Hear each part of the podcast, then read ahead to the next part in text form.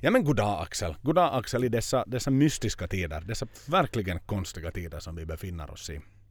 Säg inte annat. Oj, oj. Jag har knappt sett en människa på flera dagar. Jag har jobbat hemifrån, jag har varit ensam hemma. Och fortsatt vara ensam på kvällarna och uh, man blir ju lite galen. Så att det ska sägas att det är jätteroligt att prata med dig Joel. Ja du, detsamma, detsamma. Jag har också gått och tragglat i ganska samma fotspår. Um, jag har varit livrädd att hosta när man har hämtat på dagis. Mm. Alltså, mm.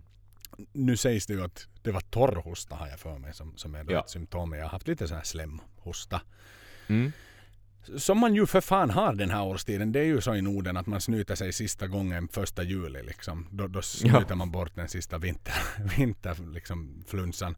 Så, mm. så är det alltid och så kommer det alltid att förbli. Men nu då när man hostar, alltså det är ju, det är ju du, du är som en terror... Du är spetälsk. Exakt, ja, ja, du är som någon terrorist som har liksom fingret på den här ringen på ditt mag, din magbomb liksom.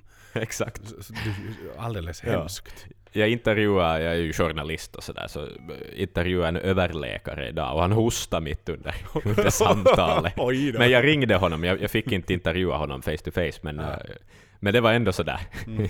jag blev lite tyst när han gjorde Nej, det är ja. mystiska tider verkligen. Mm.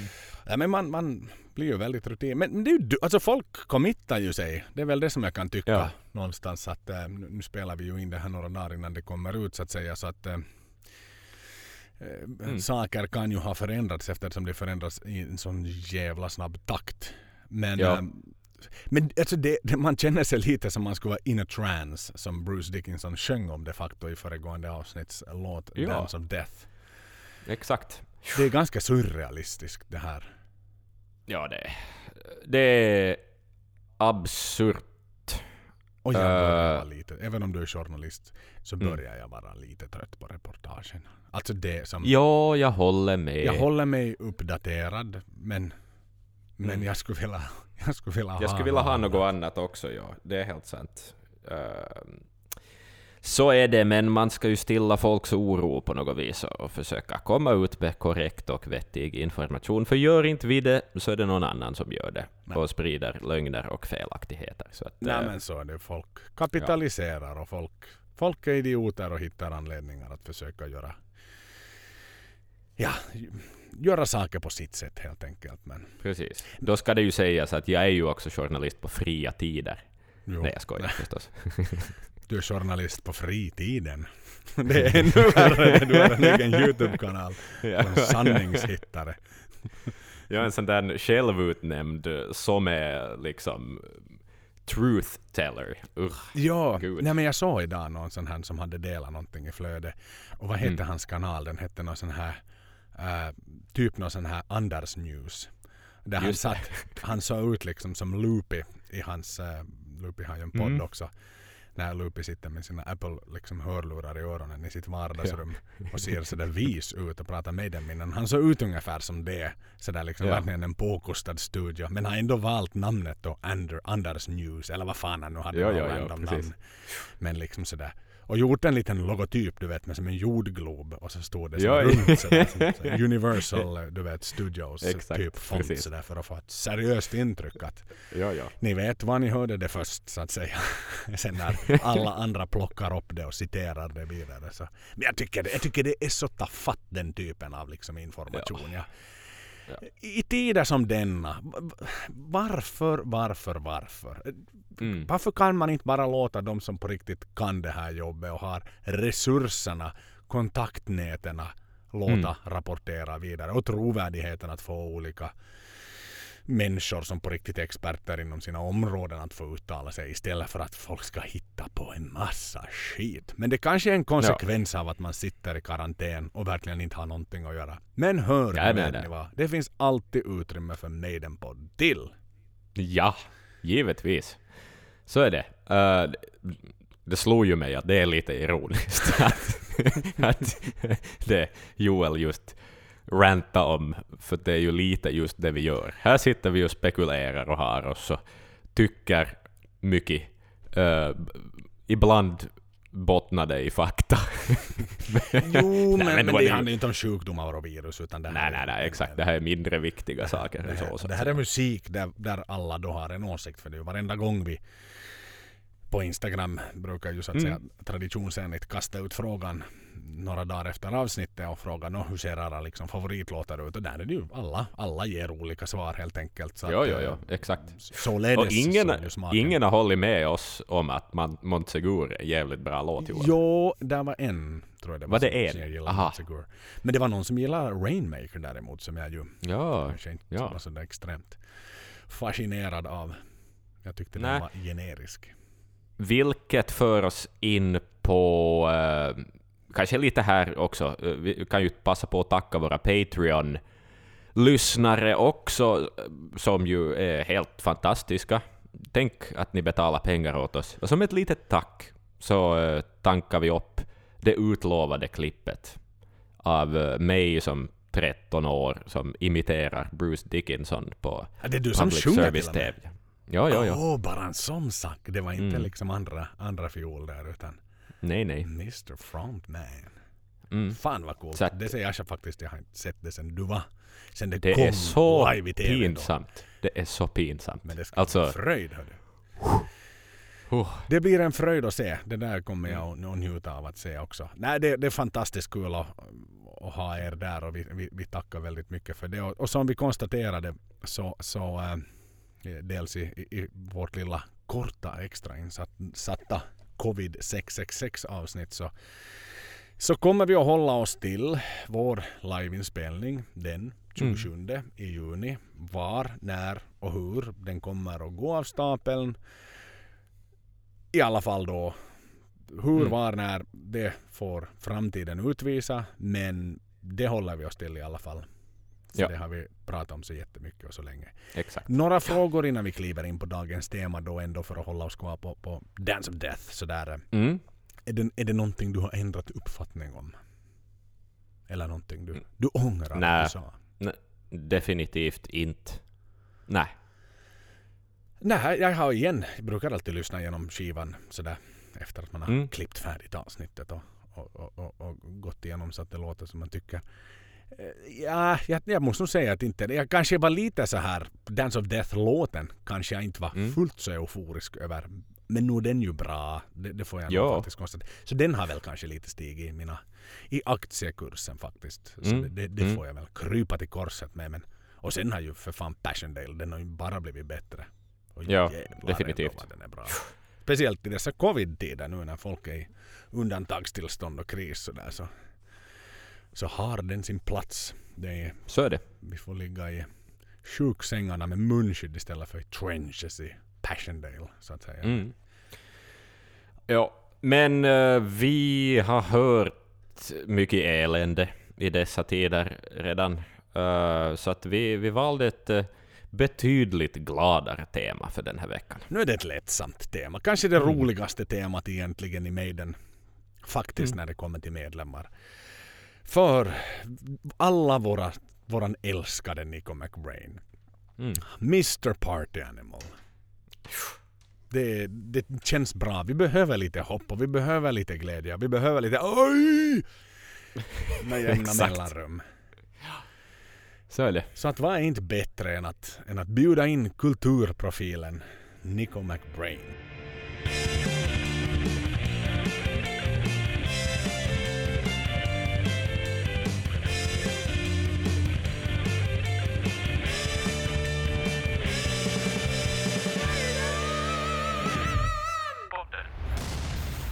Vad säger du? Ska vi, ska vi... Vi är ju båda batterister sådär i grund och botten. Mm. Vi tycker ju om trummor och- och Ja, ja, trumslageri. Så att, eh, men kanske vi, vi avverkar lite grann av den här, eh, vad ska jag säga, basala handtvättningen så att säga. Att vi, vi, vi går igenom vem han är som person. Mm. Hur länge ska Exakt. man tvätta händerna Axel? 20 sekunder. Okej. Eh, nu ska vi bara så här. Nu kan ni gå och tvätta händerna. Och så börjar ni tvätta händerna nu. Och så här medan vi pratar om, om livet och man kan nynna en liten sång hit och dit och Mm. allt är ganska frid och allt är ganska fröjd. Så nu ska du ännu borsttvätta där i varmt vatten, bara skölja på och, och ta med Mm. lite extra Mellan fingrarna Ja, också. vi och naglar, nagelbanden och sådär. Och nu kan du stänga av kranen och torka. Vad trevligt. Men Jättebra. torka inte med toalettpapper. Torka med vanlig handduk. Alright. Året Mm. är ju... Jag tänkte att jag börjar inte direkt från start utan året är ju 1981, 1982. Det är ju där Mm. någonstans Maiden-fansen får upp ögonen för vem Nicky egentligen är. Mm. Uh, Clive då förstås. Etablerad trummis i, i Maiden. Leverera en fantastisk prestation på Number of the Beast som vi redan har varit in på. En ofantligt tight trummis och enligt Bruce faktiskt den bästa trummis Mm. Maiden någonsin har haft. Mm. Har han sagt. Eh, dock eh, kanske Nico är mer teknisk men han har verkligen lyft upp den här liksom känslan som Clive hade i Ja. sitt trumspel. Som, som, som man inte kan öva in. Utan den finns där. Den, är lite i min värld så som jag kanske tycker att John Bonham är. Exakt, precis. En, Ja. kanske inte den extremt mest tekniska men han har bara en det bara sitter i det någonting Ja. i hans sätt att förmedla slagerna på som gör att Mm. det är mer än bara en tekniskt duktig trummis. Mm. Då kom ju problematiken kring, kring Clive under, vad ska vi säga, det de, de flöt upp till ytan som mest under, under deras USA-turné för Number of the Beast då, när de ju inte ens var de var ju inte ens huvudakt då utan de spelade de förband så det var ju korta 45 minuters set så att säga innan Mm. huvudakten kom, kom till. Och, och det var ju då som, som, som Steve själv har sagt så att, eh, att det, det USA är inte ett lätt land att, vad ska vi säga, hålla ordning på sig själv om man är ute på turné. För där är ju verkligen liksom, och det här är ljuva 80-talet och de är som bekant extremt unga. Allt, ingenting stänger, allt är öppet. Allt finns det för mycket av och det vet vi ju nu med av erfarenhet bara vår lilla visit i, i, i, Mm. i, i det förlovade landet när vi var på västkusten och, och ute i öknen. Att liksom alltså vill jag supa ihjäl mig så finns det extremt realistiska chanser att jag gör det. Jo, jo, jo. Det är ingen som stoppar dig om vi säger så. Nej, ingen kommer att säga stopp. Och ingenting tar slut. Ingenting är stängt. Du behöver aldrig vänta de här timmarna till morgonen. Så när du Nej. hinner va, sova av det lite och vara sådär, vad, vad, vad fan jag är nog rätt sliten, jag skippar det idag. Utan det, det är ju non-stop, on the go. Mm. Det är ju det som är liksom på gott och ont i USA naturligtvis. Och, Mm. och, och då hade ju Clive naturligtvis, han hade ju en en fallenhet, en smak för, för det goda livet helt enkelt. Han var en fucking rockstjärna från synka delar av tuffa delar av London liksom. Mm. Hej, vet alla människor älskar mig. Jag är här, jag har pengar, vi åker buss, vi är i USA. Jag är Mm. rockstjärna, jag har långt hår, allt är så jävla coolt. Jag är fucking Iron Maiden. Mm. Så då var det ju... Framförallt, framförallt åka buss. ja, Steve har ju alltid föredragit att åka buss än flygplan. Han gillar buss. Mm. Ja. Man får göra saker. Mm. Måste du ta fasta vid det. Skitsamma i alla fall, men det var ju då så att säga det började påverka konserterna också. Och det Mm. var ju där som så att säga Steve började verkligen få, få se det som ett problem. För någonstans, som vi ju alla vet, så basen och trummorna är ju ett gift par i ett band. Det är de som ska Mm. fungera tillsammans. Fungerar inte de så faller, faller allt mer eller mindre ihop. Och det är en väldigt Ja. krävande prestation. Du är ju du är busschaufför som trummis. Mm. För det, Precis. du, det är du som bestämmer tempo. Det är du som för låtarna Mm. framåt. Det är du som väljer när låtarna ska ta slut. Ja. Så att eh, det börjar, börjar gå ut då över, över gigget helt enkelt. Och, och, och, eh, så, så till den milda grad att han eller vida grad heter det väl kanske att han satt verkligen och spydde under konserter och liksom man Ja, var det- orolig att, att nu kommer inte Mm. Clive liksom att leverera längre utan nu, nu kollapsar han ihop och det, det säckar ihop sättet. Det börjar gå för långsamt. Pinnar flyger till höger och vänster och slagen på fel ställe och så här. Och, så att då sa de ju till och det var ju snackisar förstås och, och, och Steve vände sig till Rod och var ju orolig liksom. Eller var ju sådär att vi, vi måste göra någonting åt den här situationen. Att den funkar inte. Att vi, vi, vi får liksom ge honom foten rakt nu här. Och så pratade Mm. man med honom och så var han liksom då skärpt ett par konserter sådär att okej, okay, förlåt, förlåt, förlåt. Det var inte meningen. Och så vet du, drack mindre då eller satt korki kiinni som det heter i Finland. Man skruvade fast korken så att säga och skärpte sig. Ryckte upp sig. Och, och eh, med så igen då x antal konserter senare så var han nere då i samma så att säga träsk och sådär. Och, och då, då konstaterar man ju sen när, när eh, turnén var slut så att säga att nej, inte blir det här till någonting. Utan vi, ska det här bandet gå vidare så, så, så måste, vi, måste vi göra oss av med Clive. Mm. Och uh, Adrian uh, har ju också sagt, de var ju kanske de tajtaste i bandet. På så sätt så han har ju också sagt att, sådär, att han får nog se sig själv i spegeln för att han var minst lika vild som Clive var under den tiden. Så ja. att han var ju liksom att okej, okay, what the fuck liksom. Är det så här det händer åt Clive? Nu får jag nog, är jag nästa ut då? Om inte jag liksom Ja men det är kanske bara mig. liksom tydligare om du failar som trummis än om du failar som gitarrist. Mm. För på no A så är kanske förväntningarna på gitarristen att du ska vara lite mer diva om man ursäktar ett större rövhålsbeteende mm. som publik också. Uh, och B liksom, det, det är inte... Det går inte att jämföra om en gitarrist slutar spela eller om trummisen slutar spela. Trummisen är helt enkelt viktigare. Alltså för musiken på det viset. I det sammanhanget åtminstone. Absolut, och jag kan väl någonstans kanske lite tänka mig att, att Dave till och med var lite första violinist i det här fallet för, för Adrian kom in mm. till Killers. Han skrev inte ett, äh, en ton på Killers. Nej. Number of the Beast var hans första liksom, där han fick vara med i låtskriveriet. Dave mm. hade ju varit med länge, hade fått sparken av Steve en gång på något sätt. Så de var ändå två som delade på ansvaret. Och kanske då ja. vid det skedet så var, var kanske Dave liksom numera mm. uno på gitarren. Så han kanske lite kunde gå lite mer under, under radarn där också. Adrian, mm. kan jag föreställa mig. Ja, nej men exakt att han hängde gärna med ut med Clive och festa och kalasa och, och, och ställde till det och sådär. Men, men då, så han ryckte ju upp sig Adrian de facto sen naturligtvis och konstaterade att no, men det är ganska skönt att inte han gjorde en regel för sig att han, han super inte på, på konsertdagar.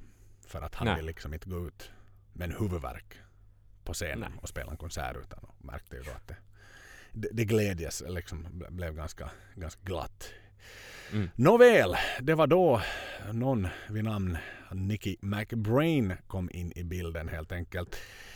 Det som är ganska spännande i det här sammanhanget innan vi liksom börjar från, från början är att mm. just vid den här tiden när de var i USA på turné och, och Nico var hemma så ringde Clive honom hemma hos sig och, och, eh, och sa så här att Hej Niko, att jag, jag har hört lite rykten om att jag kanske inte sitter så jävla safe i Maiden.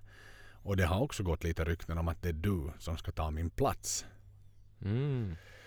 Uh, varpå då Niko, det var väl mitt i natten då, han bodde hemma med sin dåvarande fru, uh, ska ha sagt att okej, okay, men hördu, om du nu tar och skärper dig ordentligt så kommer jag aldrig få ett erbjudande att få din plats. Ja.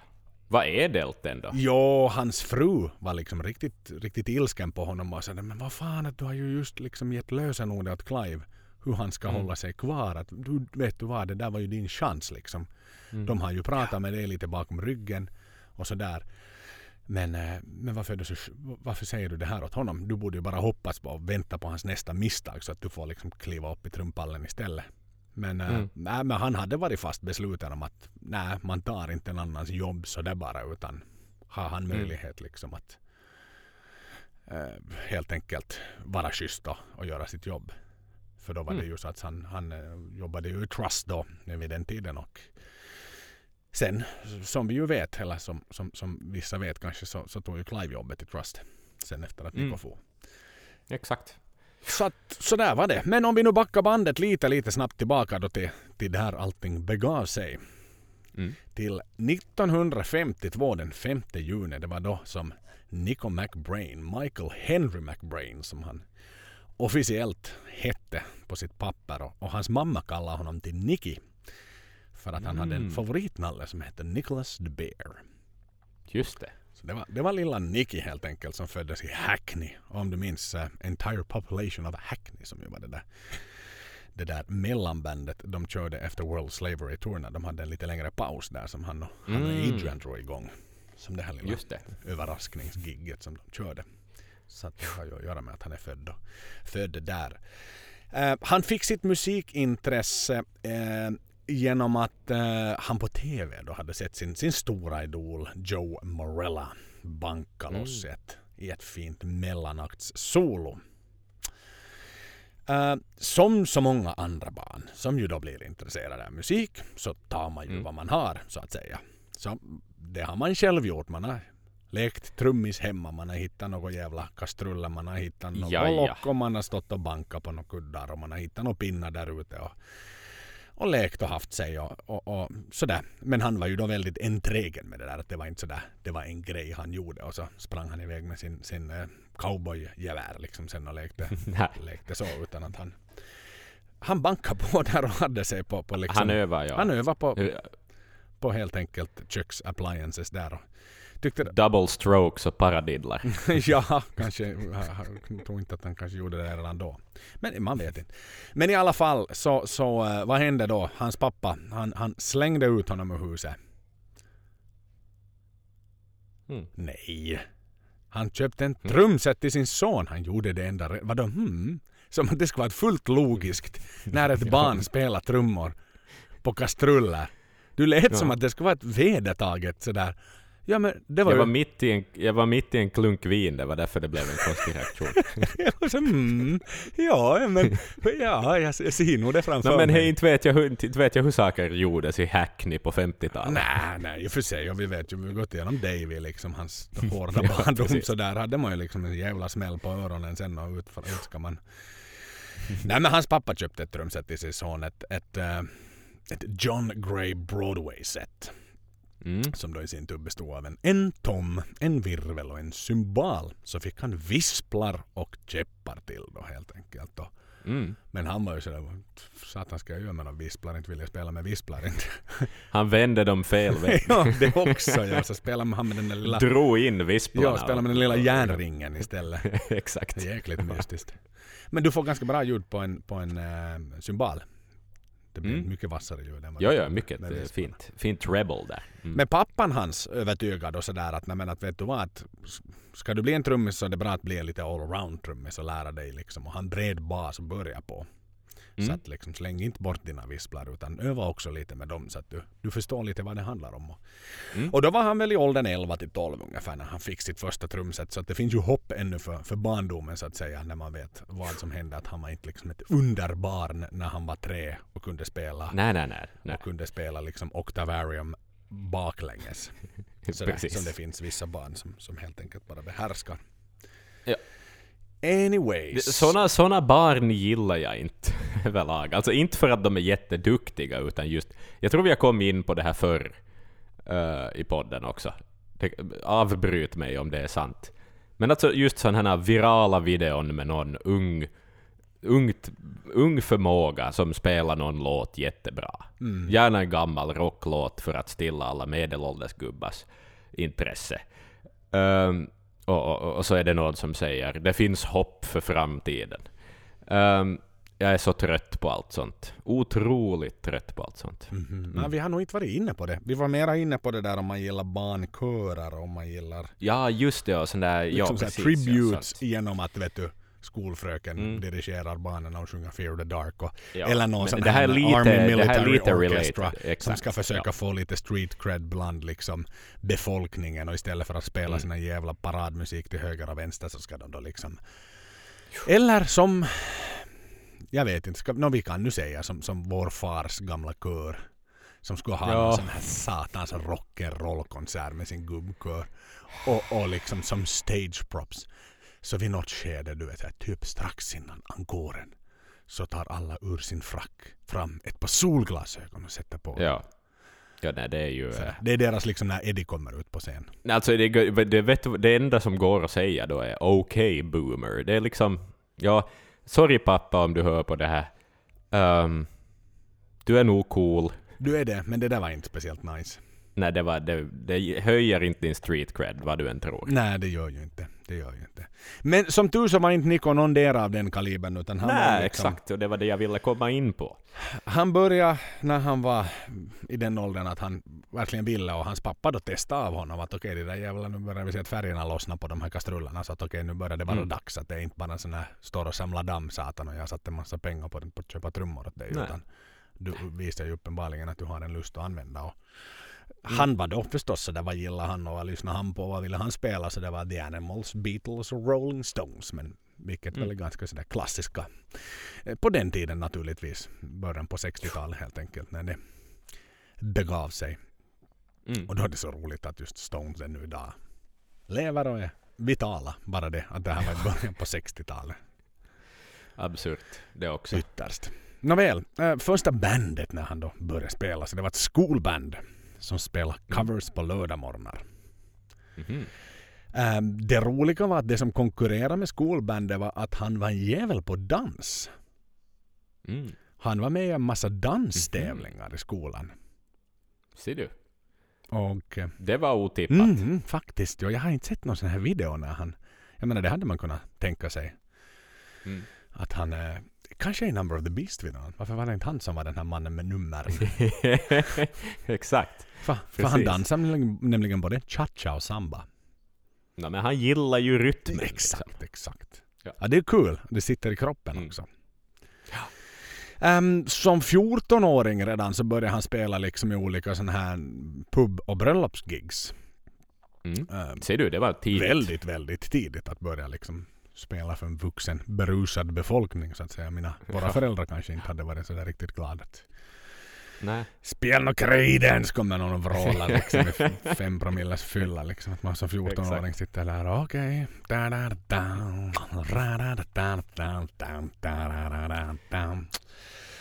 Anyways, men då spelar han väldigt varierat liksom. Som sagt, det var ju covers så det var allt från pop till rock och jazz som han mm. spelar. Och han har ju inte lärt sig att läsa noter utan han är ju liksom han lär sig auditivt Ja. saker och ting. Och sedan efter det där då när han kom upp lite i åldern så, så blev han en eh, väldigt populär sessionsmusiker för det fanns inte eh, trum, trummisar var det lite bristvara på då på den tiden så han Mm. gjorde ju mycket både live och, och, och studiogigs inom det mesta. det. Som en komptrummis. Det var allt från folkmusik till religiös musik och Aha. rock och pop och allt mellan himmel och jord helt enkelt. Men han ville spela. Det var liksom det och han uppenbarligen tjänar ju en slant på det då också så att det, det var ett Mm. jobb vid det skedet så att säga. Men, men han kom efter ett tag till insikt och konstaterade att han ville göra någonting lite mera på riktigt. Alltså, ha ett band, någonting, ett mål, en strävan tillsammans med, med en annan grupp musikanter. Att inte bara liksom Mm. fylla in när det behövs så att säga. Och, och spela, spela, sätta kompet där så att säga. Så att eh, han hittade sitt första riktiga band vid namn 18th Fairfield Walk. Mm. Som sedan efter ett litet tag bytte namn till Peyton Bond. Eh, Och det var då också ett... eh, Och, anyways så var det också ett pubband som spelade covers. Men det var i alla fall liksom ett, ett band som hade någon slags ambitioner då. Men Precis. sådär, man är ung och vindarna blåser snabbt i London och så som den blåser snabbt under på ungdomen överlag sådär. Så det, det, det kommer och det går så att Ja. det blev inte hemskt långvarigt Peyton Bond heller. Och då var det dags att kliva in i nästa banduppsättning, The Wells Street Blues Band, som ju spelar en hel del cover, men hade Mm. lite eget material i sig och, och, bandet utvecklades en, en hel del under tiden han var med där. Och blev lite mera proggigt bluesband sådär som spelar riktiga rå- råa, rejäla gamla bluestoner. Men det är ju nog en bra genre att börja göra egen musik i, Mm. för att det finns liksom en trygg bas och man kan skriva egna texter, man kan hitta ett eget uttryck. Och framförallt jamma på något som man kan kalla för ens eget, även om det förstås bygger på, på det där gamla goda blues-grejen. Sådär. Ja, Mm. bra, bra Ja, det är ju kul att spela blues. Det är ju så jävla roligt att spela Det är det. blues. Det är det. Det är ju verkligen Ja. improvisation. Så det bara sjunger om det. Ja, ja, ja, exakt. Men hur som haver då bytte de namn till The Axe efter att de blev lite mer proggiga och fick lite mera, mera det här eh, så att säga egna, egna material.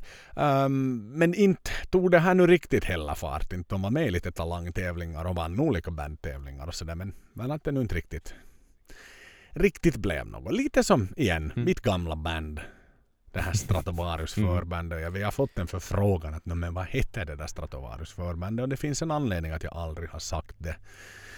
För att eh, vi var inte hemskt bra nu när jag lyssnar tillbaks 15 år sådär. Mm. Eh, inte var det nu fullt 15 år, men 10 år sedan sådär. Det, det fanns mm. en anledning att det aldrig riktigt flög. Och det kanske faktiskt fanns en an anledning att eh, Timo Kotipelto Kanske han till och med lyssnade på den där demon som jag ju då gav åt honom där vid bussen men att att mm. han aldrig liksom gick in på den där e-postadressen där bak på vårt konvolut och liksom bara såg det här som att nu har han sin möjlighet att ta fram det nästa stora bandet från Finland. Nej. Vet du, jag tror inte vi ska outa det där bandnamnet. Nej, inte kommer vi att göra det, men jag, därför tänkte jag att jag kan Nej. i alla fall avslöja nu så där inne. Jag har ju alltid varit lite mallig och stolt över att vi ja. värmde upp för the one and only Stratovarius som ändå har spelat runt om i världen och har varit i Sydamerika mm. och har mm. till och med x antal coverbands i Brasilien. Eller det fanns ju hur många som helst i Sydamerika coverbands, på, eller tributebands till Stratovarius. Ja, ja, ja. Yep, yep. Så tänk en sån sak att jag har spelat the real deal så att säga. Mm.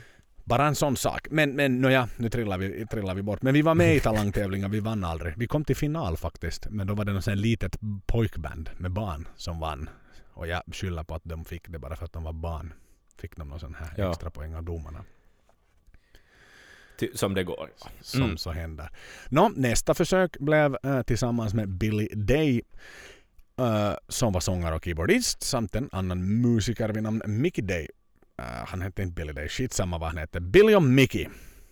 Mm. Uh, och det var då Billys låtskrivarkompanjon Mickey som då skulle försöka hitta på någonting och i det här bandet så, så, så hade han lite kommit upp sig att de, han fick en månadslön när han gick med i det bandet. Oh, på 50 pund. Tänk det. Så att eh, det var, vad fan hade Bruce när han kom Men va, med? Va, var det 100 pund? Halva den lönen. Och då var Bruce ja. med i Bloody Iron Maiden som hade gett ut två album. Så det måste ju vara en hyfsat bra lön då. Med tanke på ja, ja, ja. Så det här var ett nystartat eller ny och ny, ja det var ju en ny ja, men Har du någonsin hört om ett band liksom som skulle betala en lön åt någon? Det här är ju, någon, det här är ju en thing of the past. Ja, för det, du är ju, det är ju freelance gigs på något sätt då. Ja, men hur funkar det exakt. liksom? Men, ta, ta. men jag menar, alla, man delar ju på konsertpengarna. Det är ju liksom, det, det är ju men som man gör. Men hur var det med din gamla barndomsvän som spelade i Stormont Drang då? Jag menar de gjorde ju en hacka under sina heydays och sålde ju Platinum till höger och vänster ändå i Finland. Ja. Att, nu var det ju pengar som kom in och hur delades de upp? Förstås du får dina, dina royaltypengar för de som skriver låtarna men eh, ja. Men någon avlöning måste du ju få. Inte är du nu bara där och får lite mat innan alltså, konserten. Jag, jag tänker mig någon sorts dagpenning då man är på turné som ska räcka till mat och öl men att typ det. Aha, okej. Okay. Men det var populärt i England har vi ju lärt oss nu. Det är med andra, andra ja. bandmedlemmen helt enkelt som vi, vi är inne på redan nu som får sin månadslön. ja, precis. Uh, och så fick han ju också då fungera som chaufför i bandet. För, för Billy mm. hade supit bort sitt körkort i en blåskontroll. Mm. Men, men optimisten Nico, vi ska, eller Niki som han ju heter, så ska vi inte mm. glömma bort att vi, vi har ett glatt avsnitt med tanke på, på läget där ute. Så, så han såg det på ett lite annat sätt. Han såg det som att eh, eftersom han då fick ta hem skåpbilen på kvällen när han hade lämnat av de andra hemma så hade han mm. fast månadslön och tjänstebil. Ja, förstås. Givetvis. Så det var ju inte så dumt. Nej, nej, nej. Um, det var i den här banduppsättningen då som Nicky blev Nico. Eller Nico. Som han kom att kallas mm. först. Och det var när de var inne i studion och bandade någonting med då Bob och, och vad han nu heter den andra filuren. För eh, de hade något kontrakt med, med, genom CBS Records som du minns som ju Bruce också hade. Mm. Gjorde sin, sin första ja. solo med. Uh, och då kom det någon ny bolagsdirektör som skulle vara liksom ute på någon slags studiebesök och ska titta in vad det är som pågår i runt om i studierna och då, då Billy som han hade träffat innan då så skulle liksom introducera resten av bandet då. Uh, och mm. han var väldigt, väldigt berusad Billy igen då. Det räckte. Han hade inte lärt sig sin läxa efter att han hade tappat, tappat körkortet, blåskontrollen. Utan nu såg han snarare sin möjlighet att sponka på ännu mera så att, eftersom Nico körde. Men i alla fall då, då fick han för sig att det här uh, this is uh, the new Italian drama, Nico. Och, och, och Mm. liksom körde på med det där helt liksom och avslöjade aldrig att det är någon annan utan och, som var deras nya batterist och Nico, "Vad- vad satan hände här nu då? Jaha, okej, Mm. det är nu högsta hönsen här och nu är Nico. Nico. Och då gillar Nicky bandet, alltså namnet så pass mycket men han ville då sådär göra det lite mer brittiskt så att det skulle passa in. Så det blev Nico. Så därifrån så kom Nico McBrain in. Som namn helt enkelt. Så allt började med ett äh, gossedjur som han hade som barn. Och nu heter han Mm. Nico McBrain baserat på det då. Tack vare att han svängde runt lite som en italiensk trummis däremellan. Just det. So that story is told. Äh, men som alla andra band så sket sig ju också det här bandet. Mm. Eh, Nästa misslyckade försök så blev The Blossom Act. Som också var Mm. sådär helt så nära att landa ett stort skivkontrakt. Vi är så nära. Du vet. Mm. Så det var ju också tugget när man var sådär, någon som Ja. fick lite luft under vingarna. Någon som spelar för inte 499 som man, man så att säga gör i covid-tider om man lite trotsar och sådär. Nej. Men ändå som spel. Du hade till och med en t-skjorta. Du kanske hade tryckt en backdrop du vet. Eller ritat en egen Ja, ja, ja, backdrop. ja, ja. Och då är Japp, de ju helt, Då jävlar. de är helt för Mm. de har varit ute i andra kommunen och spelat. Inte bara liksom på Ja. lokala ställen. Vittu, de är helt nära. De är stora Ja. de här. Ja, är Wow. Lätt med de där illusionerna. Ja, alltså. ja. Och alltid sen var det ju, jag Mm. minns ju själv det där. Man, alltså det där var ju verkligen liksom fact check please, fake news. Det där, bara någon sa ordet vi är nära ett skivkontrakt. Det kunde ju ha varit jag Mm. eller du, Maiden-podden har gett ett skivkontrakt att vi ska spela ni får banda in i. Maidenskrubben så spelar vi 30 sekunder av er låt i det mest tråkiga avsnitt vi någonsin gör på slutet. Och det är sådär, skriv under här vänligen och sen så äger vi er. Från, Maidenpodden lanserar här med uh, Covid 666 ja, Records. exakt. Så att vänligen skicka in demos till maidenpodden at gmail.com så ska vi, högen kan bli ganska hög rätt snabbt så att, eh, men vi lovar att återkomma inom kort om vi tycker att det här är bra. Covid 666 är härmed lanserat. Nåväl, så, så inte blev det ju så mycket av The Blossom Act. Det kom aldrig det där stora skivkontraktet. Så nästa försök igen. Mm. Streetwalkers. Som då var bestod, då började han liksom ändå närma sig någonstans lite, vad ska vi säga, människor som kunde något och kände någon och hade gjort någonting. Eh, Så, så då var det människor som hade varit med i ett, ett ganska välkänt band vid namn The Family.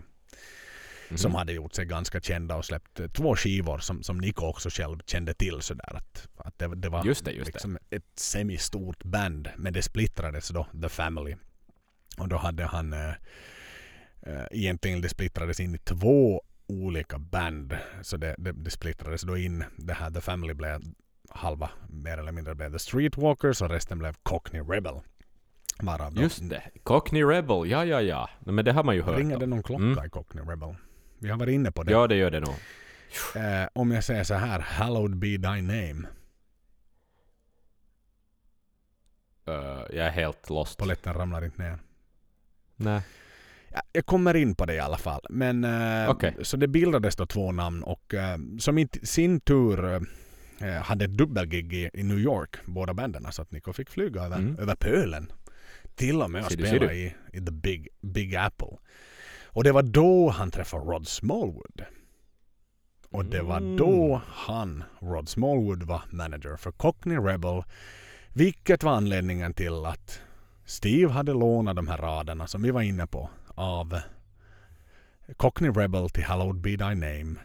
Som Cockney. Rebel-medlemmarna stämde Steve Harris nu för på 2000-talet. Precis. Som ju ledde till att de fick plocka ner den från setlistan innan de hade gjort sitt settlement. Exakt. Så därför kände du säkert till Cockney Rebel. Ja, men jag vet också att det är någon sån här... Jag har någon kollega Mhm. i, i medelåldern som har pratat om Cockney Rebel, att det var liksom ett band som var stort någon gång. Aha. Som, nu- som nog har turnerat i, Norden och sådär. All right, all right. Ja. No, jag känner bara till dem för att Ja. de stämde med den för de blev giriga och ville ha lite pengar för att Steve då glömst, glömskt nog hade, hade glömt att, så att säga, replacea de raderna i Hallowed be thy name som han hade när han skrev låten. Skitsamma i alla fall, men, men Rod var ju då deras manager, vilket var anledningen säkert till att det var lite lättare att stämma dem och bla bla bla. Han kände en viss skuld. Eller det var ju det som var anledningen att han snodde låtarna för att Rod då managerade dem.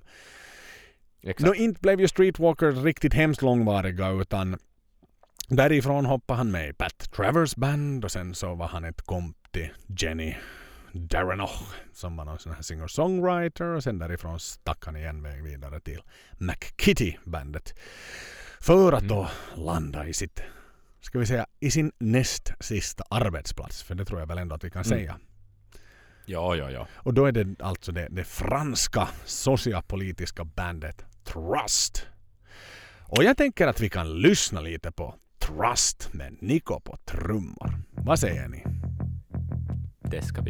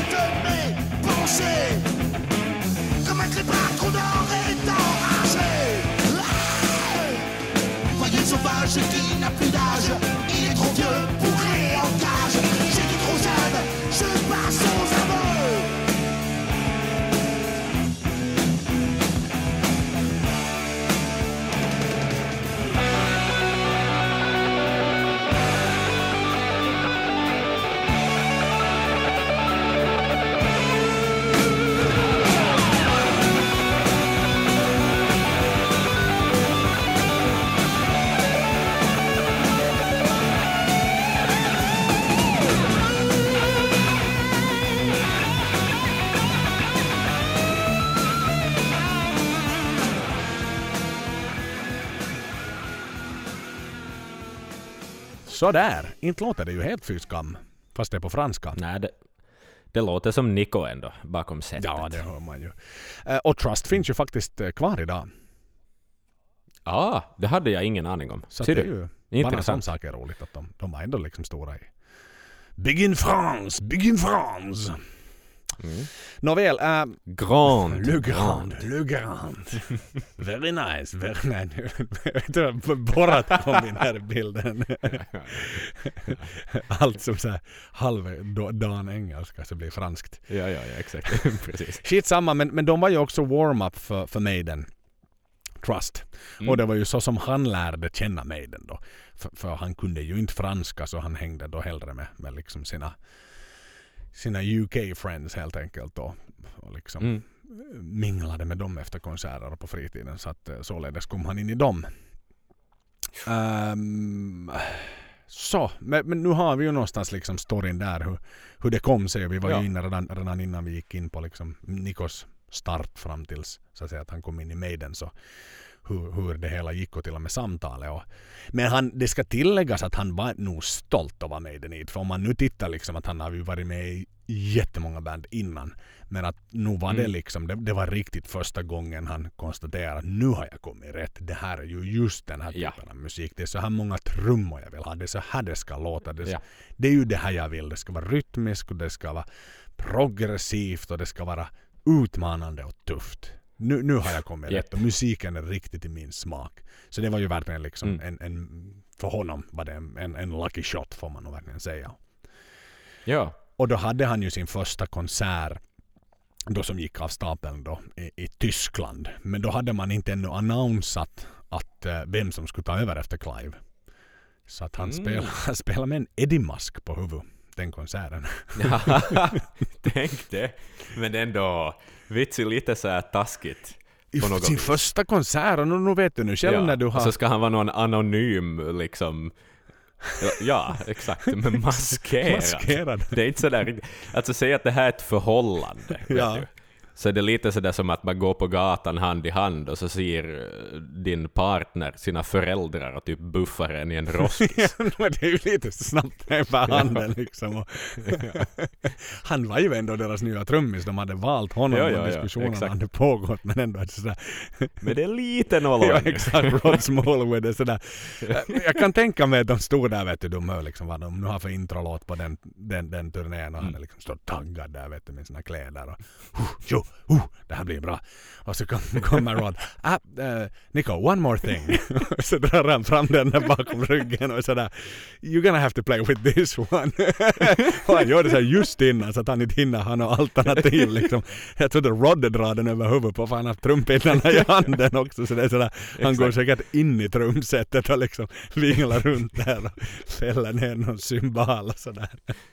och vilken ut... Alltså nu vet du nu själv om du har på den här vår, vår Eddie Musk som vi har i podden. Man Ja, ser, man ser ganska och begränsat. ja, och sen tänker du hur mycket du svettas när du spelar trummor också. Den där gummen liksom, den wobblar ju liksom runt där i ansiktet liksom av svetten och och när man viftar runt där på hans, speciellt på hans enorma sätt liksom. Du måste ju slå, swisha Mm. där i masken och så därför inte du är van med att du...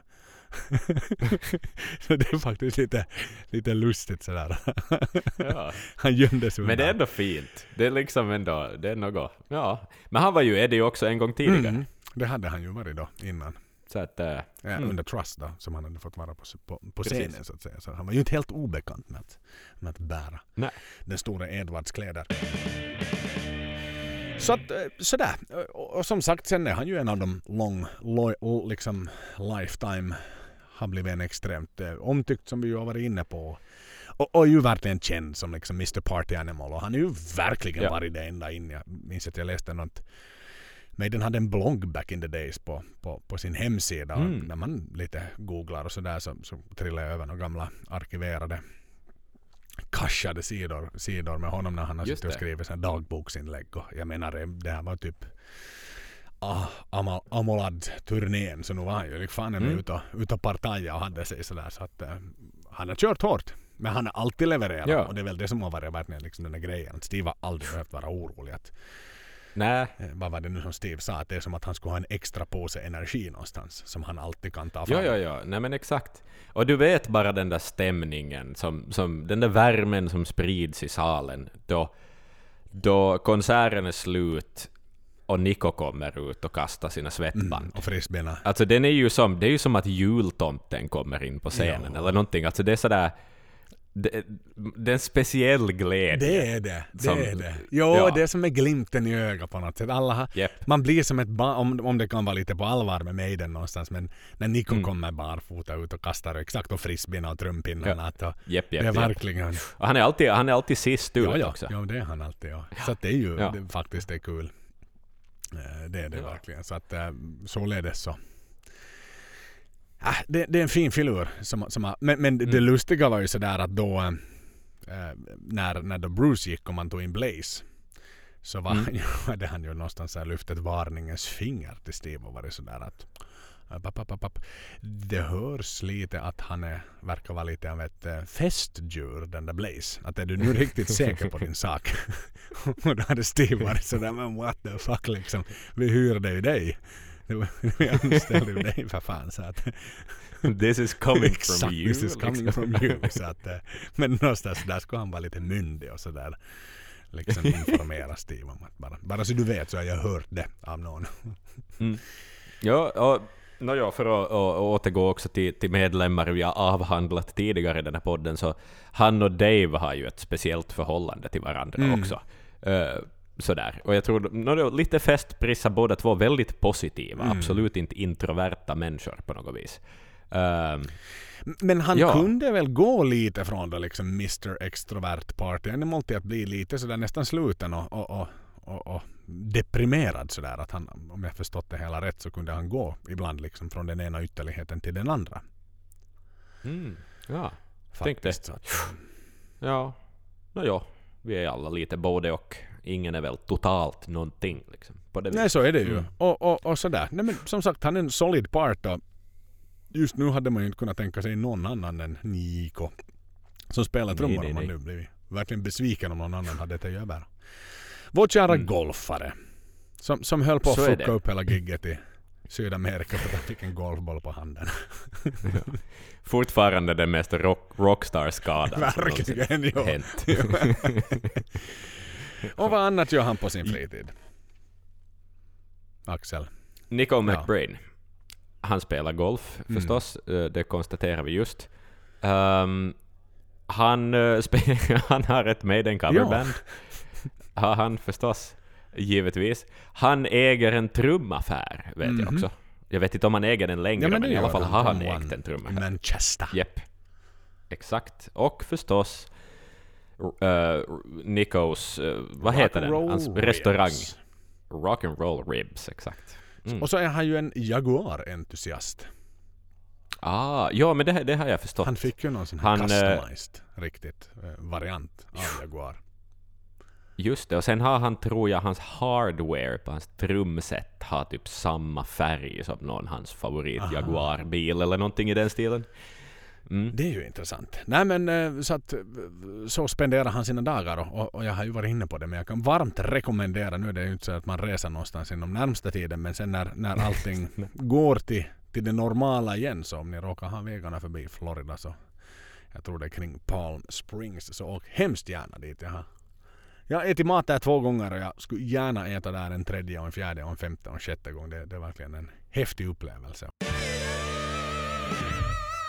Ehm, som vi ju förstås kom in på i början av avsnittet så är vi är ju båda trummisar. Japp. Så att det här kommer ju att... Det måste ju bli nördigt i något skede, det här. Mm. Eh, så jag tänkte så här... eh, ja, ska vi nörda in oss ordentligt? Ja men det behöver vi ju lära oss. Vad, Mm. Niko håller på med där bakom. Ja. eh, vi ska gå igenom hans trumset helt Wow. enkelt. Ehm, det, det, det är ju där vi måste börja. Eh, vad ska vi nu säga? Nico, ehm, han har spelat, han har endorsat två märken, väl främst. Det kan hända att det har funnits korta episoder där han kört någonting annat, men eh, det börjar med Sonor, tyska Sonor. Eh, sen gick han över till eh, brittiska Premier. Mellan Sonor körde han alltså 76 till 93. Eh, Den där 93an är lite sådär, vissa hävdar annat. Mhm. Men eh, sen körde han Premier i, i 20 år. 93 till 2013 ungefär. Och nu är han tillbaka med Sonor. Men nu Um, bytte han ju tänkte- alldeles nyligen till det här brittiska ah, just trummärket då. Så att, Någon, någon mindre ja, nu tillverkare. minns fan inte vad de hette. Men det, det, det är igen ett brittiskt tillverkare då. Så att de bytte ju sig grejen med att han spelar ju då Legacy of the Beast. Om det nu var Leg 1 eller 2.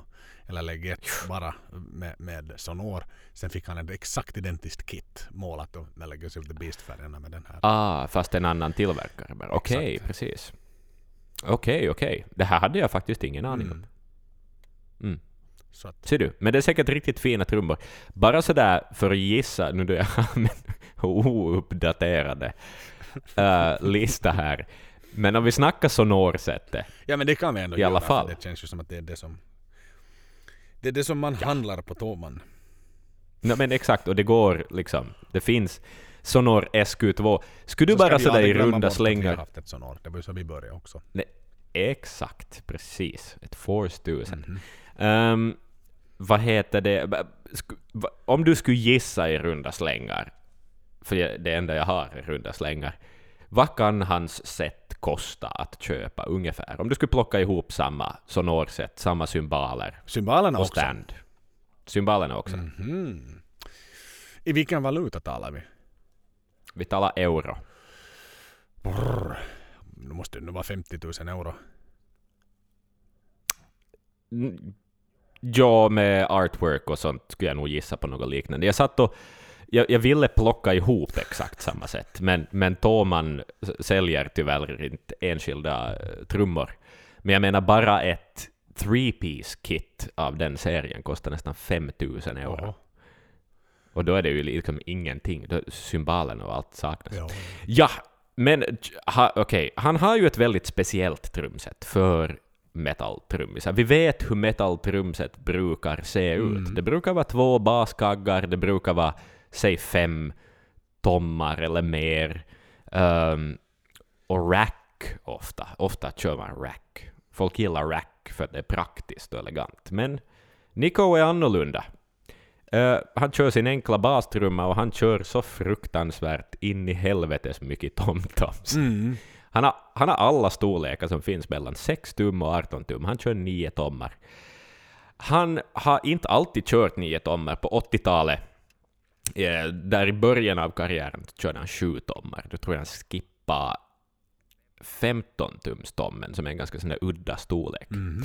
eh, som inte, inte så här standard eh, på det viset. Ehm, men 9 tommar, fuck, det är mycket. Fan, du Det är roligt att spela. rolls där alltså. ja, så är det. Men det är nog ungefär bara i Hallowed Be Thy Name där han liksom riktigt kör igenom alltihopa. Ja, förstås när man slutar en låt. Om det är så Ja, långt nå då förstås. slut.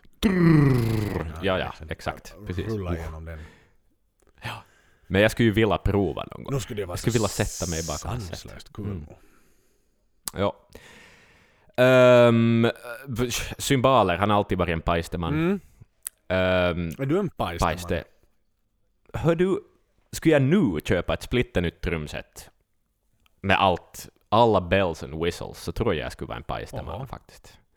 För det är någon sån där rocksym, det är, det är liksom rocksymbolerna. Det går inte att spela, eller jag tror inte det finns jazztrummisar som spelar pajste. Nej, nej det kanske inte. Äh, Sen är jag, jag skulle säga, jag är inte en pajsteman av den anledningen, men jag har bara spelat riktigt de här standardpajsterna. Du vet den klassiska skolans trumset med såna här riktigt Mm. pissiga pajsten.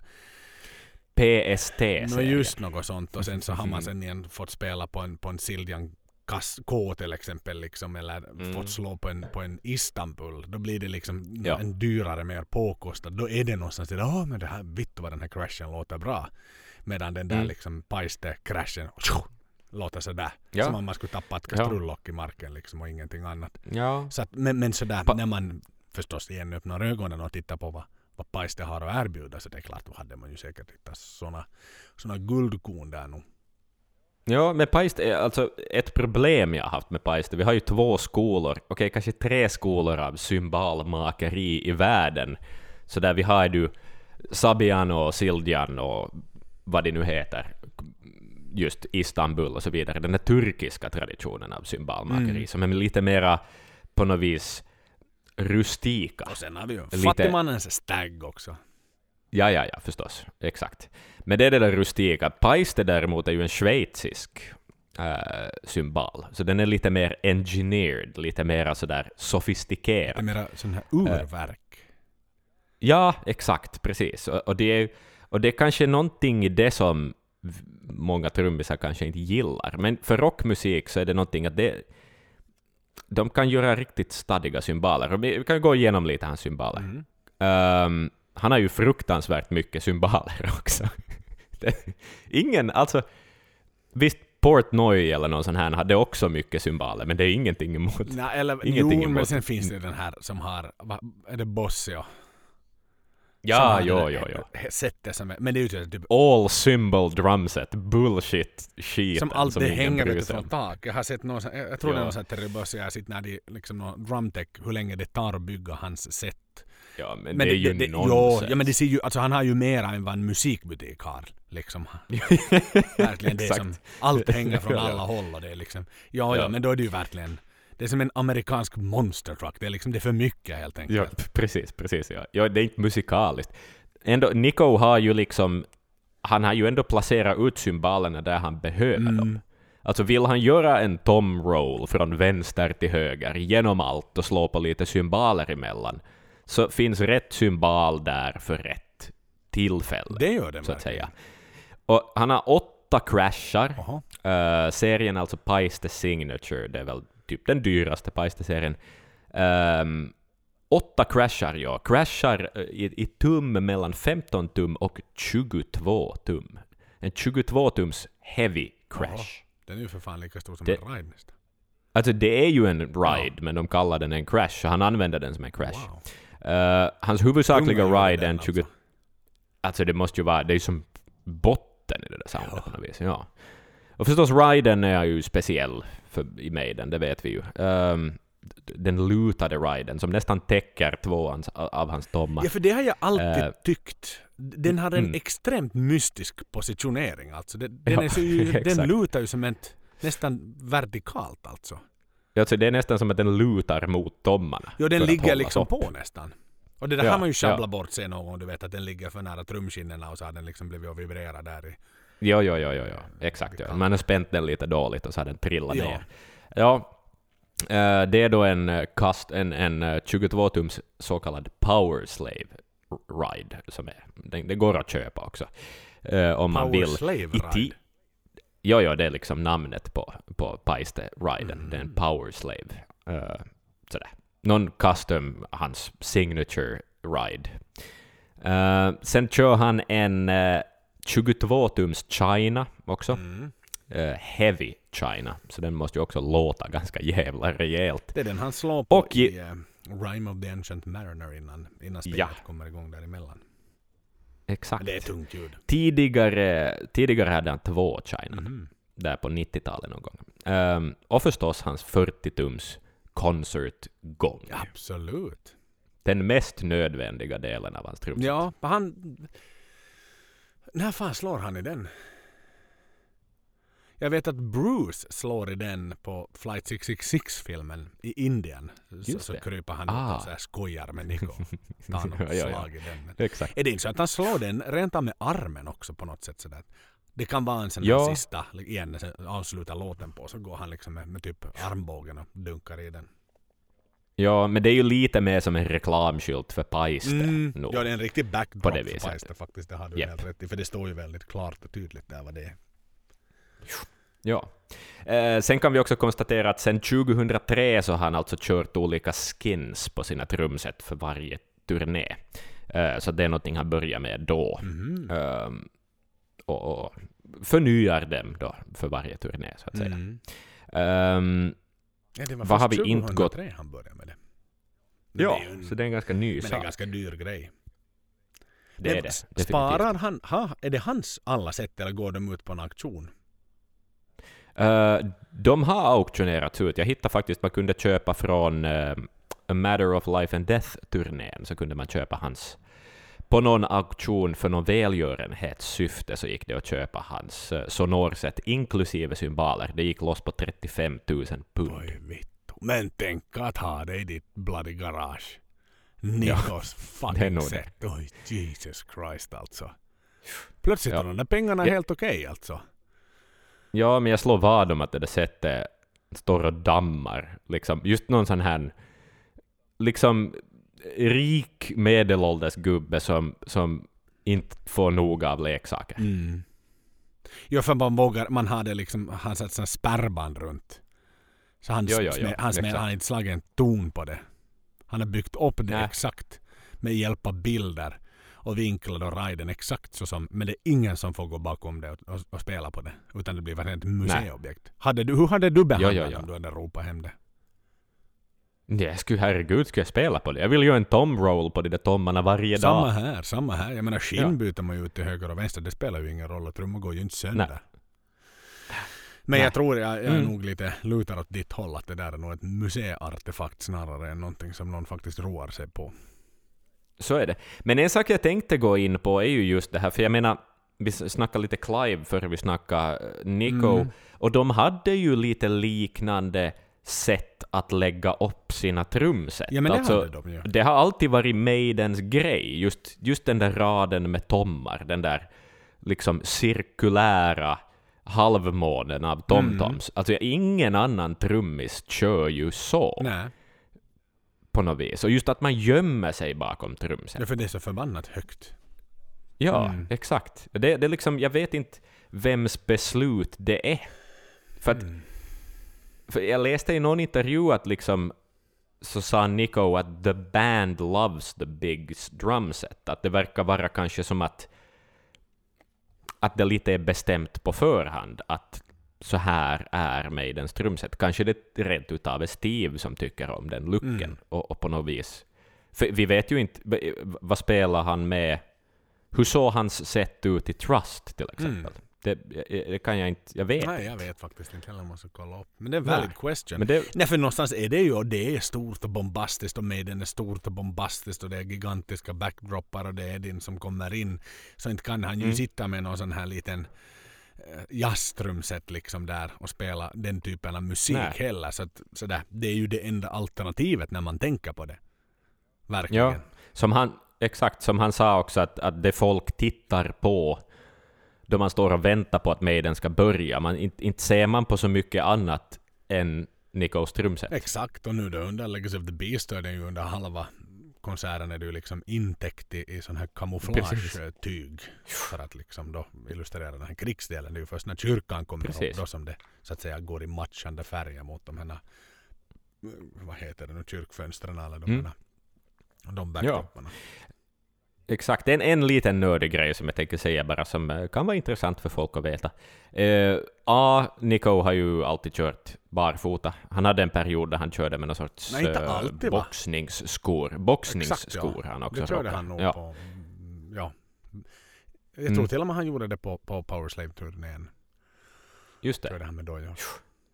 Ja, eh, sen eh, pedalmässigt, han är ju en, en, en, en single pedalman som jag kom in på förr. Han körde länge med en Ludwig Speed King-pedal. Den pedalen är ju berömd för att vara snabb, för den har ingen, eh, har ingen kedja. Mhm. Den är Direct Drive, var väl en av de första. Jag tror att eh, Ian Pace, en Ludwig Speed King-man, liksom John Bonham. Och eh, en kul detalj som jag minns att min, v- vår, de facto, du har haft samma trumlärare, Stefan Brokvist poängtera var att den gnisslar. Mhm. Och eh, i, till exempel i Led Zeppelins, inte Fool in the Rain, vad heter balladen? Den där jättebluesiga balladen om att göra slut. Ja, I'm Eh, leaving you.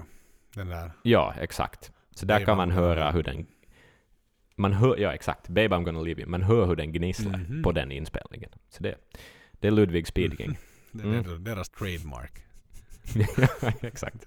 Gnisslande ooljad dörr. Mm. Sen en annan sak som jag... Sista nördiga grejen vi tar här. Jag vet att alla som inte är trummisar har slutat lyssna redan. Men eh, jag har alltid funderat på det där. I alla fall liksom på alla turnéer jag har sett Maiden. Så, så kan jag inte sluta fundera på varför han har haft skilda stativ för alla cymbaler. Mhm. Att han aldrig har haft ett rack. Mm. För det känns ju som den mest praktiska lösningen. Ja, ja. Med tanke på mängden saker han har. Men jag menar igen, då är vi inne på rack-diskussionen. Då hade han ju kunnat hängt upp eh, Thomsarna i racksen också. Ja, Av exakt. Precis. Och, haft sådana Ja, små, du vet, men- förlängnings bara upp liksom. För att få dem i Ja. samma höjd så att säga. ja, men var, varför Nej, inte? för det är inte Maiden då. Ja, den enkla anledningen.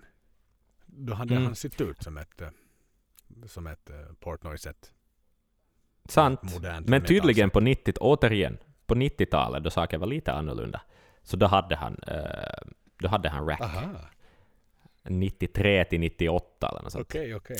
Men det var kanske när Mm. Steve Gadd, teknikern, då var inte Ja. kanske fick så mycket pengar när de var lite på dekis. Så de blev tvungna att cut Nej, down exakt. his salary och då var han sådär att ja men vittu, då får du nog som motvikt till det skaffa ett rack. Så tar det mig halva tiden Mm. och, och, och hissa upp ditt set. Exakt. Ehm, sen finns det ju en kul eh, film. Mm. Ska vi prata, prata lite Rhythms of the Oh Beast? yeah. Ja, det är ju en fin film som kom ut eh, efter uh, Seventh Sun-turnén va? Mm. Yes, det stämmer. Um, en en och en halv timme lång drum workshop Yes. kan vi kalla det med, med Nico McBrain. Och eh, ja, vad är det? ehm, det börjar med ett åtta minuters trumsolo. så, så med, det, det var bra. Givetvis ska det börja med ett åtta minuters Det trumsolo. är hans film Axel. Jo, jo, jo, exakt. Han ska få skina. Och sen, vi, han, alltså, det går ju ungefär ut på att han förklarar att det är viktigt att också öva med vänster hand. Mm. Ehm, lite, lite så här teori slash exempel på övningar, men det känns lite som att det är saker han kommer på i stunden och är liksom sådär oj, det här är kova. Och sen, sen vi demonstrerar han det genom att spela det ganska snabbt och showa off väldigt mycket. Jo, jo, inte är det ju sådär att jag, jag sätter inte en... Vet du, om jag sätter mig med trumsetet så sätter jag inte den på bredvid och du vet trycker på space emellan åt och liksom övar exakt samma sak för den är inte så pedagogiskt uppbyggt verkligen. Nej. men men det, är ju, det är ju hans moment to shine någonstans. Så. Jo, jo, jo. Det, och han är ju en programledare av rang Jo. alltså. Det är han ju. Så vilken host! Alltså otroligt kiva. Eh, så skryter han lite om sitt trumset och eh, skryter också om hur en symbol bland hans symboler eh, inte finns på marknaden utan bara finns i ett unikt exemplar och det är hans, liksom hans virvel. Ehm, Ja, för den är lite att, eh, tjockare den där virveln, eller hur? precis. Den är 6 yes. tum istället För, för, så att A, fyra tums ja, som är vanliga. Exakt. Precis. Så A eh, har han visat Phil åt folk som de inte kan spela. jo, jo, nu Och B.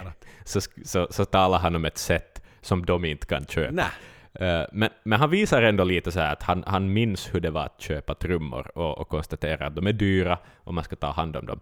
Och ur allt det här kommer detta fantastiska tips som är lugnt. Alltså det här är guld. Han är sådär, på symbolstanden så man ska ju skydda symbolets mittenhål för att undvika att det får liksom en nyckelhålsform då det börjar slitas. exakt. Det, vi- då det är metall mot metall. ja. Förstoras upp det där Precis. hålet helt enkelt. Jepp, så då ska man ha en liten plastbit Mm. vid Ja, gängorna ja, liten liksom, som skyddar symbolen. gummimanik Mm, precis. Och då är han så här att uh, gå inte till musikaffären och köp de här för ATP eh, liksom per piece. Utan man ska gå till, man ska gå till djuraffären Jaha. och köpa slang. Eh, slang som används för att syresätta vattnet i akvariet. och så ska man klippa bitar från det och byta ut. Jag tycker det här är så jävla guld. Det är så satans bra. det är ett sånt MacGyver-tricks. Det är liksom säkert fully endorsed video av... Japp. Av alla märken han representerar, men den biten, den biten kan han panta på. Exakt. Liksom. Här. Där är han free as a bird liksom. nu ska ja. jag lära er ett lifehack bland trummisar. ni kan inte kalla er trummis om ni går till, till musikaffären och köper den där gummisnodden. Nej, nej. Det är riktiga Du trummisar. går till djuraffären. Så åker dit. För jag, no, jag, Så satans no, det är klart, på hans sätt är ju många som ska dit och nu slits de väl sådär. Men Jo, jo, jo. det ska vara en slang till akvarier också. ja. Men han har kommit underfund med att den är just rätt det var- Trial and error. Nej, jävlar. det, det, Och så får vi, åh, ja där. Och så tar han med oss på lite resor mm. eh, till, eh, till Schweiz då. Bland annat till Paistefabriken och uh, vart åker vi annat? Vi åker till eh, vi åker till, på Till en annan resa Tyskland, också. Det är två resor i filmen. Tyskland, ja. Exakt. Uh, mikrofonfabriken. Beijer Dynamic, mikrofonerna. Varför åkte han inte till Sonors? Nej, inte vet jag. Symbalen är logisk men sådär. Okej, det är en trumvideo. Det första du... Det är inte det första du köper som en, som en trummis är hur du ska micka upp dina trummor. nej, nej, nej. Och, sen, och sen gillar jag också hur det är så tydligt att de har planterat de här frågorna i publiken. För att sådär, någon är sådär ”What microphones do you use?” Vilken 16-årig amatörtrummis bryr sig om det? Och så har de bara råkat resa till Tyskland. Exakt! ja, det är nog sant. de försökte hälla ut dem jämt hur de sitter där. ja, den, så den är ju Ja, någon, även om du var inne på att den är kanske lite spontan filmen men lite så här välregisserad är den nog bakom kulisserna. Jo, jo, jo. Och det är ju då han, jag Helt vill minnas att, är det inte då han också lyfter upp det här med hur vikten av att stämma en trumma också. Ja, jepp. Allting börjar med Ja. Och då, och då igen är det det här första frågan, första frågan från publiken. Publiken består av tonårs, främst tonårspojkar i Maiden-tröjor. Och den första frågan han då Muka får är How do you tune your drums? är det det Nej, man inte det är frågar? det. Det är ju liksom hur når du till alla trum? Hur kan du vara så bra som du är? Hur sätter du Where Eagles Dare introt? Det är ju den frågan jag hade ställt i den åldern. Hur stämmer du trummorna? Ah, bra fråga! Dung, dung, dung, dung, dung, dung, dung. Och så har han förberett lite för att han visar först hur man Mm. gör resonansskinnet och då har han skruv, det är viktigt, det poängterar han också, att man ska alltid ha bort eh, skinnet man slår på då man stämmer, resonansskinnet. Aha. Och sen har han mitt i sen sätter han på sig en, en, en kockmössa och så säger han att eh, sådär att, att han har för, förberett lite för nästa steg och då kommer det in en tom-tom då av Steve Gadd med, eh, med båda. Okej. Så det är liksom så regisserat. Åh, det är så guld. Och det är ju också så här med en 16-åring, okej jag förstår det är viktigt att stämma resonansskinnet under skinnet men, men, men det är ju sån där med hur mycket... Inte bryr Nej, man sig. men det bryr man sig faktiskt. Jag ska i ärlighetens Nej, det är då en producent kommer i, alltså det är någon gång då man är 26 och ska banda i en dyr studio och har en då, då är det någon som påpekar Mm. det. Före det har inte en trummis någon jävla aning om hur man stämmer sina trummor. Nej, nej. Sen tipsar han väl om lite situationer om man blir trött i fel trumhand också. Mm, exakt. Det, det är just där det kommer in hans kanske huvudpoäng, att det är viktigt att om du är högerhänt, att också öva upp styrkan och tekniken i din vänstra hand. Och det är ju solid tips Mm. för en trummis. Liksom det kan vi ju inte, vi måste ju kunna konstatera. Det är ett jättebra tips ja. Faktiskt, det håller jag helt och hållet Ja. med. Så att, Ja. nej men det, det, det, det är en fantastiskt rolig film faktiskt. Och, Ja. och, och, och, och sen ger han ju då igen också det här tipset att du börjar långsamt med, med, med paradidlar och rudiment liksom och sen så ökar du sakta efterhand. Men sen igen, han drar ju igång till ett sånt satans tempo där liksom. Det, är ju, ver- det, det blir ju, det börjar lite pedagogiskt som den här Brokvist Ja. var trumlärare. Men sen så försvinner det ju liksom, allt försvinner iväg i en show-off hela tiden. Ja, ja, ja, alltid. Nej, det är jättefint. Men det är allt jag vill ha Nico McBrain Mm. också. Inte, jag menar, hur tråkig skulle inte den filmen ha varit om han inte skulle ha fått show Nej, nej. och lite skryta om sitt Jo, ja, men inte ska, det ska ju inte vara en instruktionsvideo liksom. Vad heter nu den Nej, klassiska eh, trumboken som alla hade? Ja, just det. Uh, synk, den där, med den där trista gubben. En, ett, ett foto och så är det ett sva, svart ram Ja. runt. Och, och så, het, så är det en gubbe, en, en sån här trist ingenjörsgubbe med en bild från 60-talet Mm. säkert. Ja, men så... Ja, med den. Syncopation kanske den heter. sånt, ja. Det är en förskräckligt Ja. tråkig. Så då är ju den här mycket bättre. Uh, Switch Sticks tror jag. Han har väl någon sån här plockar ut satans show-off-rack också. Ja, hela, hela, ja, ja, hela utbudet har han med sig. Av en, av en händelse. Exakt som han vill visa upp. Men vad de vill. Så det är mycket endorsement där liksom.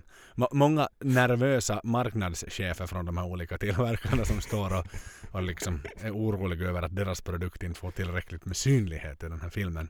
Exakt. Men till exempel då, jag tror att det var så här att för den här filmen så erbjöd man, okej man displayar produkterna på, på, liksom, på scenen, han pratar om dem. Sen Mm. kunde man köpa ett tilläggspaket att Nico åker ut till location så att säga och, Mm. och gör ett reportage från, till, från fabriken helt enkelt. Och det, det var det då som, Ah, som Paiste och den här mikrofontillverkaren hakade på. Att, men vad fan, det är bara 5000 pund till så kommer han ju faktiskt hit så har vi en anledning att promota oss ytterligare. Medan då Sonor var sådär, nej Ja. fan, så vi har bränt av med mycket av vår budget för i år redan. Så det, det räcker med att vi sätter upp sättet och pratar lite varmt om det. Vi tar, vi tar det billigare optionen där. Och samma var med Precis, Switch precis. Också sådär att Fan, det är ju sist och slutligen bara tre pinnar vi har, så hur jävla roligt är det att bjuda in till vår fabrik liksom. Vi står och, står och tar ut lite träpinnar och täljer en stund och målar dem och lackar. Så att sådär, således kanske det var ganska smart egentligen. Nu är det väl Vic Firth Ja, ja, han spelar med nu. Han har väl något. Nu är det Vic Firth, ja. signature. Kul. Sen har han ju sin, nu när vi nu ändå är inne lite på trummorna, Suthi. Eh, den här, vi var inne på det här barnprogrammet har jag för mig någon tidigare. Suthi show. Exakt. Där han ju var med och medverkade. Det finns ju, finns ju som sagt att titta på. Det väldigt sådär igen i, i, i covid-19 coronatider så, så behöver man lite roliga saker att se på också. Så det finns ett, ett, ett, ett långt inslag från när han är med i barnprogrammet och spelar och, och leker och har något rollspel där. Men det är också det som då är anledningen att Suthi sitter med på, på, på numera varje, varje turné och, och är klädd i passande uniform så att säga där mitt på hans baskagge. Mm. Eh, Så Ja. att, eh, Det, är- det är fint, man ska ha sina grejer. Det är ju liksom en, det är ju som en... Ja, inte vet jag. Som en Wunderbaum på hans trumset. Ja Liksom. men den hör ju dit. Och det är ju så kul när man liksom Ja. ser sådana små add- add-ons till höger och vänster som då kommer. Det Ja. som jag verkligen vill lyfta upp och den som jag nu, jag vill spela den låten. Verkligen. Ja. Rhythm of the Beast. Har ju, Ja. De har gjort en låt de facto. Som, som Nico och Dave Han och har Dave. skrivit. Igen, vi var Mm. inne på det där och påstod att, eh, eh, att han, han, han inte har skrivit hemskt mycket. Men, men The Rhythm of the Beast är ju en riktigt bra låt. Alltså det är en Ja, ja, ja. theme-song. Med blåsare Ja. också. Med blåsare. Så jag tänker att vi undantagsvis avslutar hela det här avsnittet med att lyssna på hela Rhythm of the It's Beast. called Rhythm of the Beast.